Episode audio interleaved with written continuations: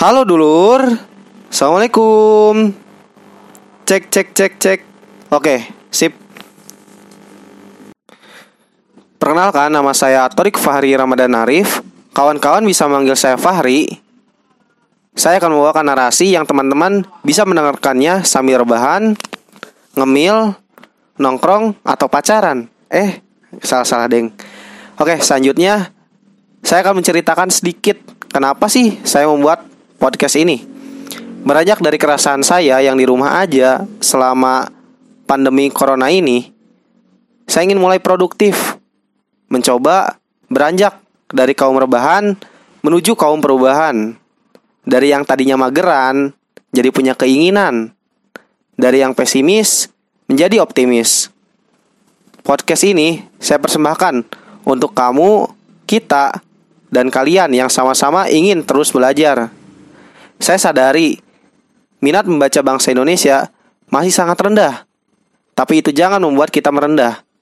Pergerakan tidak melulu soal aksi massa. Pergerakan bisa dimulai dari aku, kamu, kita, dan kalian. Maka podcast ini saya persembahkan. Gibahin buku yuk.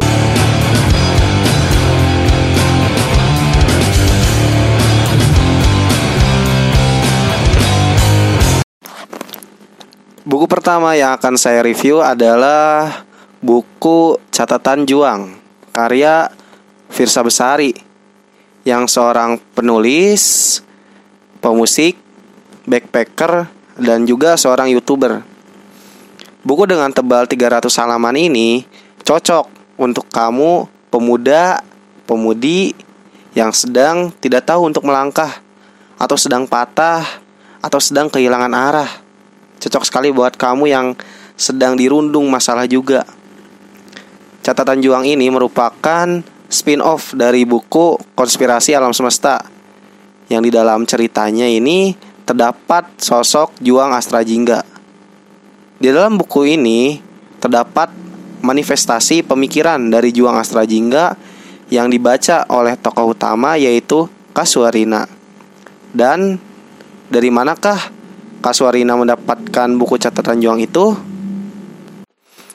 Kasuarina atau sapaan akrabnya Suar menemukan buku dengan sampul berwarna merah dan tertuliskan pemiliknya bernama Juang. Penemuan berharga bagi seorang Suar yang saat itu sedang dirundung banyak sekali permasalahan. Suar merupakan seorang gadis yang bekerja di perusahaan sales hari-harinya bekerja menawarkan produk, menjajakan produk pada klien, pada pelanggan dan lain sebagainya. Nah, akhir-akhir ini Suar sering kali dimarahi oleh atasannya karena kerjaannya yang dilakukannya sangat di luar dugaan. Suar yang awalnya sangat memberikan keuntungan bagi perusahaan, kini malah membawa defisit bagi perusahaan. Sungguh suatu tanda tanya yang besar, bukan?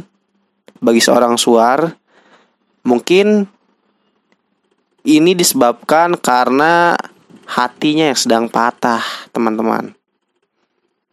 Bukan karena teman, sahabat, atau mantan pacar yang menolongnya. Tapi sebuah buku bersampul merah itu yang menolongnya dari keterpurukan. Suatu hari, Suar bertemu dengan seorang lelaki bernama Dude. Dibacanya jangan bahasa Inggris ya, teman-teman. Dibacanya dengan bahasa Indonesia aja. Dengan cara du de. Nah, begitu teman-teman. Dude adalah seorang pemuda yang dikisahkan berperan dalam perubahan yang dilakukan oleh Suar. Hingga pada suatu hari, Suar sangat senang sekali bisa bertemu dengannya. Menggapai cita bersamanya pun Suar merasa hal yang mungkin karena Dude adalah orang yang tepat bagi Suar. Nah, tepat di sini tidak melulu datang di saat hati yang sedang bergembira. Tuhan sedang menguji hambanya yang saat dirundung masalah, apakah akan bertahan atau melepaskan. Jadi begini dulur, kesimpulan yang coba saya rangkai Berubah atau tidak, itu tergantung kamu. Mau berjuang atau tidak, mau menikmati proses atau tidak, mau diam atau bergerak, mau pesimis atau optimis, itu adalah kamu. Perjuangan tidak pernah salah mengenal orang, tapi kadang orangnya yang tidak mengenal perjuangan. Di akhir sesi ini, saya memohon maaf yang sebesar-besarnya jika ada kata yang kurang mengenakan di hati dulur semua.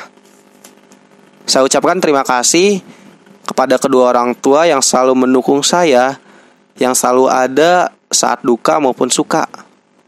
Terima kasih juga kepada rekan-rekan seperjuangan yang mendukung saya untuk terus bergerak dan maju.